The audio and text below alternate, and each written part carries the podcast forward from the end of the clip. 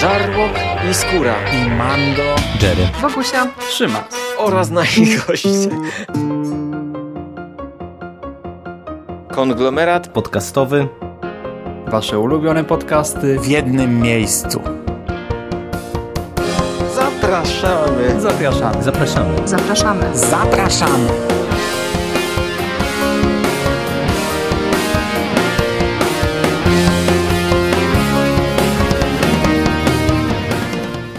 Cześć, z tej strony Sig. Dzisiaj wracamy do Ace Team, dewelopera, który stał za grą The Deadly Tower of Monsters. Przy okazji tamtego podcastu powiedziałem nieprawdę. Powiedziałem, że nie kojarzę żadnej ich wcześniejszej produkcji, a Rock of Ages ograłem demo w 2012 roku przy okazji jej premiery na PlayStation 3. Yy, było to połączenie powiedzmy Tower Defense z wyścigami, co dobrze zapamiętałem, pamiętam do tej pory, a jakoś wtedy mi wyleciało z głowy po prostu, nie wiem, czy nie zwróciłem uwagi, że to oni produkowali tą grę, nie mam pojęcia. To było to, że bardzo fajnie oddano epoki, w którym dzieją się e, konkretne etapy. Wyglądało to naprawdę niesamowicie, szczególnie dobrze zapamiętałem renesans rokoko i średniowiecze, gdzie przeciwnicy byli jakby żywcem wyciągnięci z obrazów właśnie z tamtych epok. I po nagraniu tamtego podcastu szczerze zainteresowałem się, co jeszcze Ace Team zrobiło.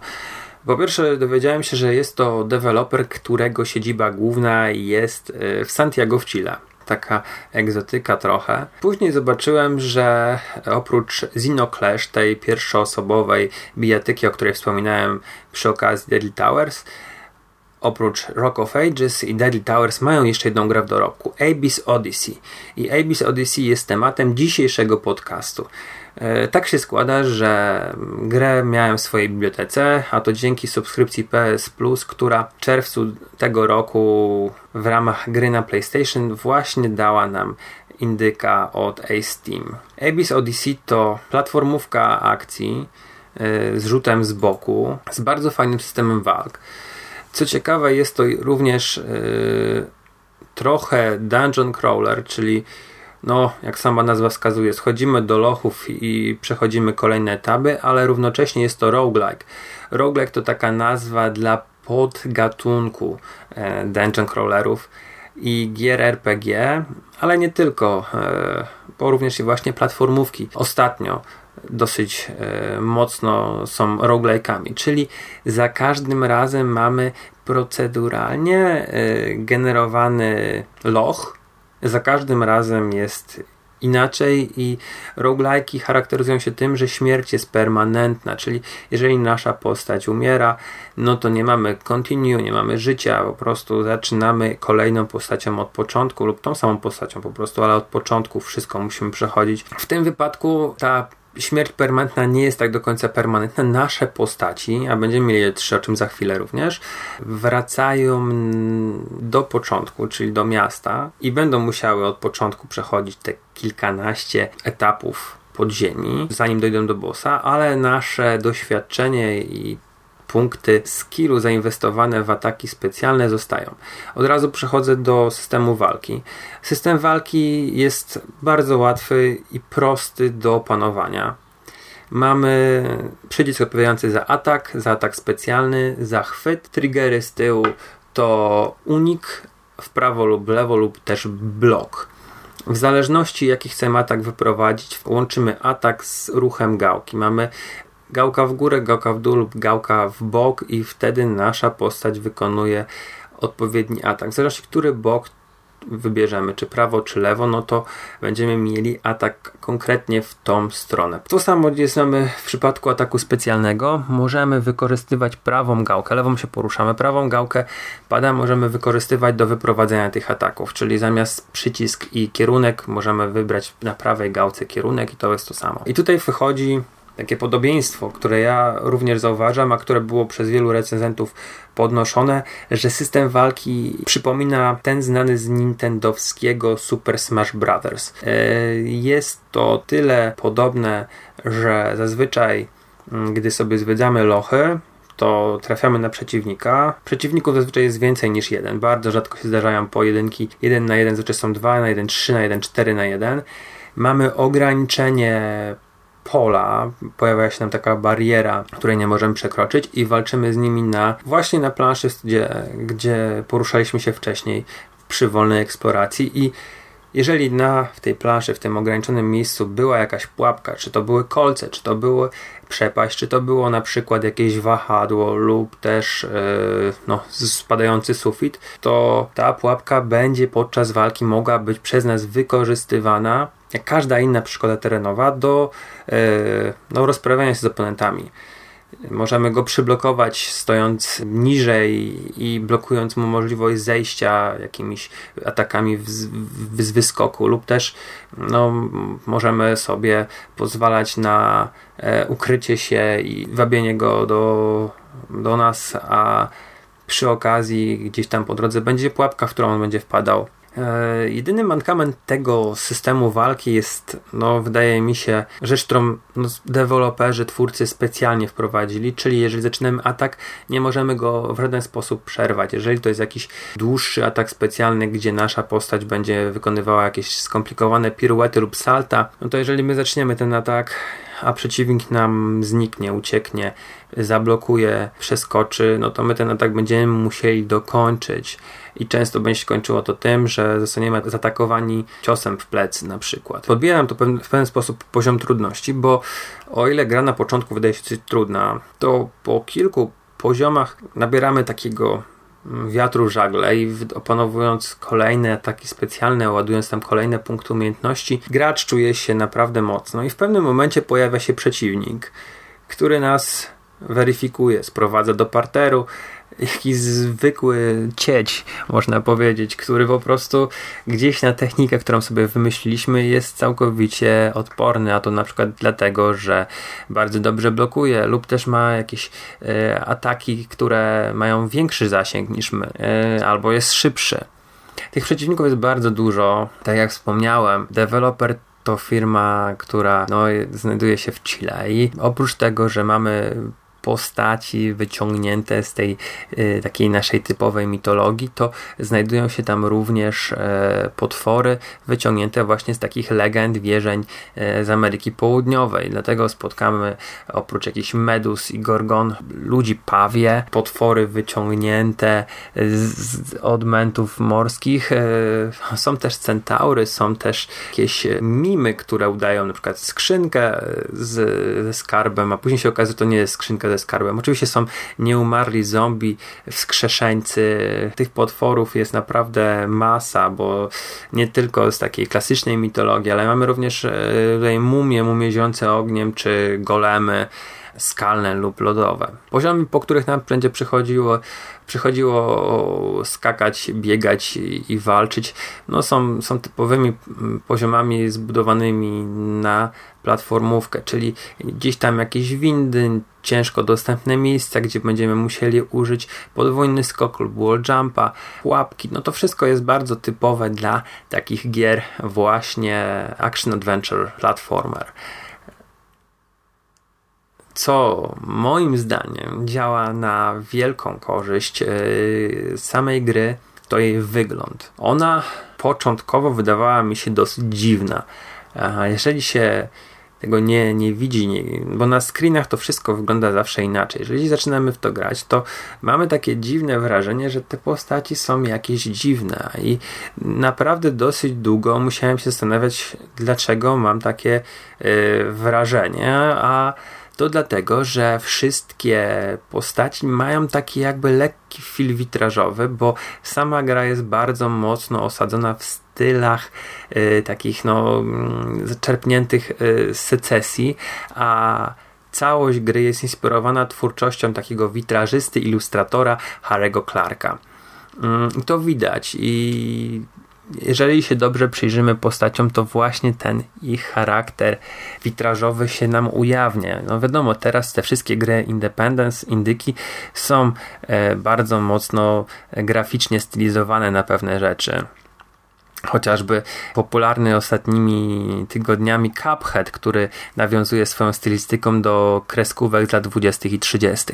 Ale Abyss Odyssey ma taki niepowtarzalny feel właśnie. Po pierwsze ta secesja, która nie jest takim chyba wyeksploatowanym e, stylem, jeżeli chodzi o gry, on się nam od razu rzuca w oczy, e, bo wszystkiego rodzaju przerywniki, czy nawet o, mm, ilustracja okładkowa, to wszystko tam widać, właśnie te elementy kwiatowe i to, to, to zauważa się, jeżeli obserwujemy te nasze dialogi, gdzie się te nasze postacie pojawiają, to wszystko widać. Natomiast sam, sam przy samej grze, prawda, to mi trochę zajęło czasu, że zanim doszło, doszło, doszło do mnie, co ja tam widzę. Przepiękne poziomy, bo trafiamy w czasie naszej eksploracji do, no po pierwsze tych katakumb, później trafiamy gdzieś do podziemnych lasów, e, lodowych krain, czy podziemnych cmentarzy. Trafiamy na groty pełne złota, gdzieś ukryte pod ziemiach fontanny. Deweloperzy zabierają nas naprawdę w fantastyczne miejsca. Te tła, które są za nami, one są kilkuwarstwowe. W na pierwszym planie też się pojawiają czasami elementy, które czasami no, człowiek się zapatrzy i, i, i wlezie w coś, jakąś pułapkę, bo przygląda się czemuś zupełnie innemu.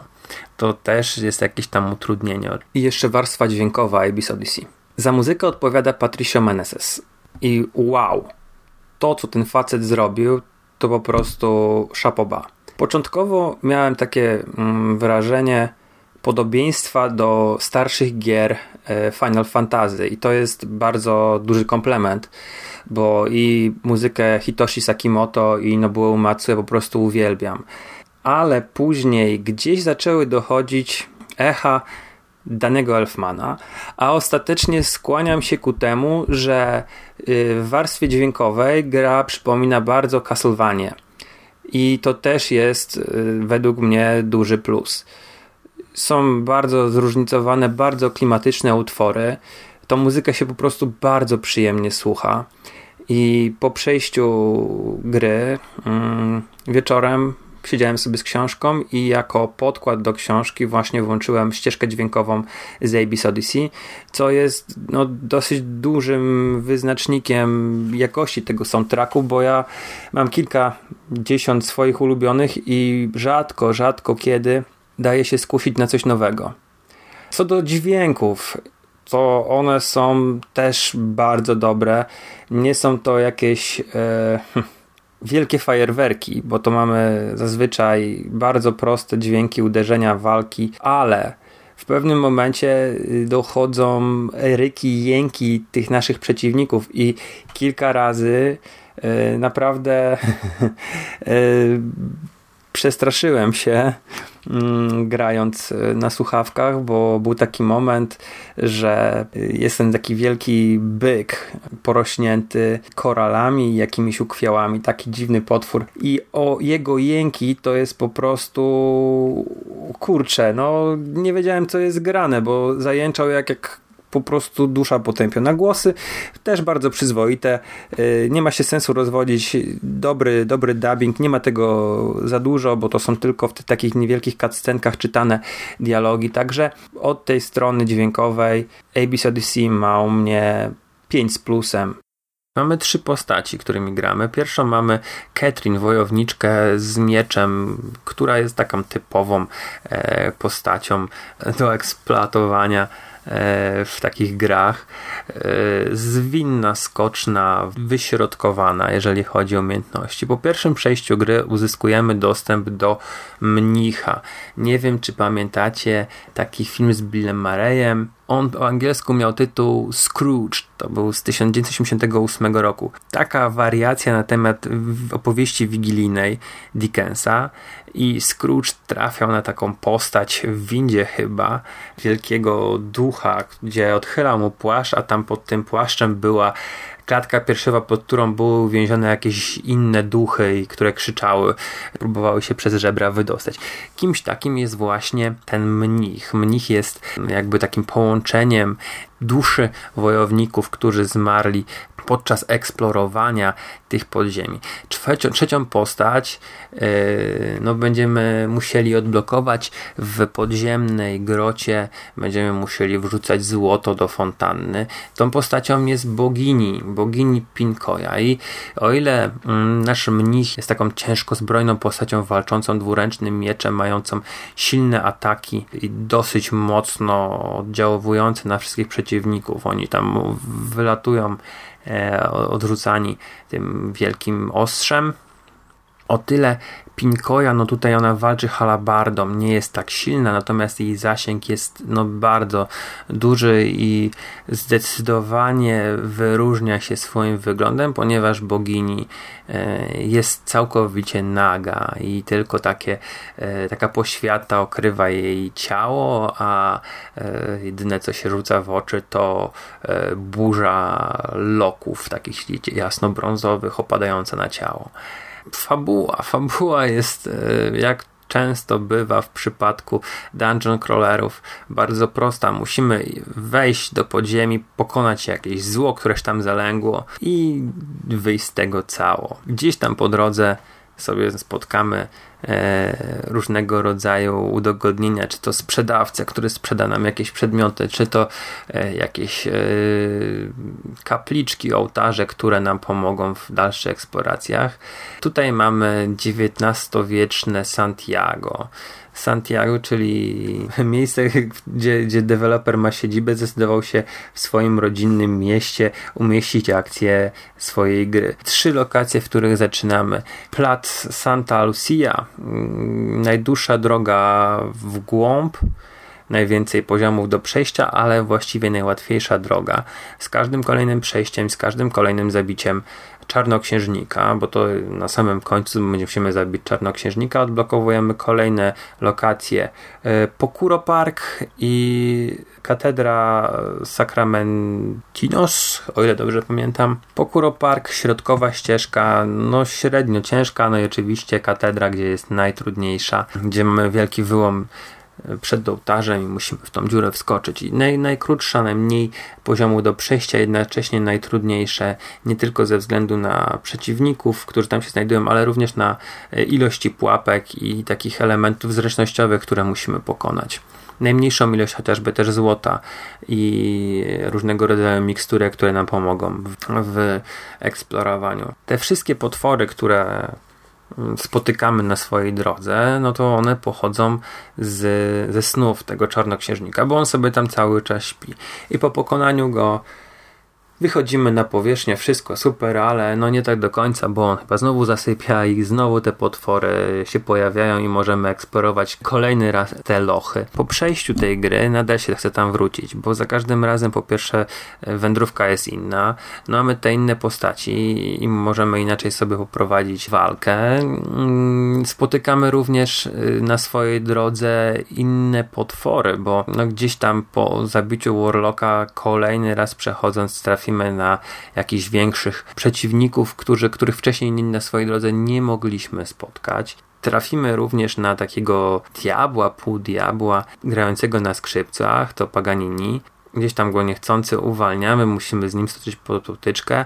Jest też taki grajek e, z czaszką zamiast twarzy, szakal, który no, jest jednocześnie postacią, która nas tam gdzieś wspomaga, ale czasami przyjdzie nam nim się trochę poprztykać i do końca nie wiem, jak to jest z tym bohaterem, bo y, czasami nam pomaga, a czasami po prostu właśnie w przypadku tej walki z Paganinim no, okazuje się, że jest cięższym przeciwnikiem niż sam Paganini.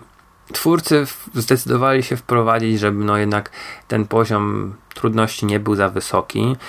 Dwa udogodnienia. Po pierwsze, nasz bohater może łapać duszę swoich przeciwników i właściwie każdego przeciwnika możemy sobie uwięzić i przechodząc pod ziemię możemy w pewnym momencie się zmienić w niego. Mamy osobny pasek życia nowej i ciosy, które ten przeciwnik miał. Coś takiego jak Walter Beast, że w pewnym momencie mogliśmy się zmienić w bestię. Druga sprawa to taka, że gdy no, polegniemy, to pojawia się nam jakiś żołnierz z powierzchni i on będzie mógł dojść do ołtarza i nas wskrzesić. W związku z czym no jest jakaś szansa, że będziemy kontynuowali rozgrywkę właśnie gdzieś tam na którymś tam powiedzmy 10, 12 poziomie, a nie zaczynali wszystko od początku. Oczywiście żołnierz jest dużo słabszy, ma słabsze ataki. No istnieje oczywiście zawsze szansa, że gdzieś tam nas doprowadzi y, do tego ołtarza i będziemy wskrzeszeni, no ale jest to ciężkie. To tyle chyba, jeżeli chodzi o Abyss Odyssey. Gra dosyć krótka. Wydaje mi się, że z łatwym do opanowania systemem walki. Bardzo ładna, e, która no, zapewni kilka godzin takiej fajnej roz, rozgrywki e, i do której się będzie chciało wracać. Myślę, że warto, chociaż to jest mała, prosta gierka, ale jest doskonałą odtrutką. Dla mnie była doskonałą odtrutką, bo e, grałem w nią akurat zaraz po tym nieszczęsnym Deadpoolu i zdecydowanie lepiej bawiłem się przy niej i cieszyłem oczy tym, co widzę na ekranie, niż tym, co mi Deadpool zafundował, o czym mogliście posłuchać w poprzednim moim podcaście. Dziękuję wszystkim za uwagę. Do usłyszenia, trzymajcie się, cześć.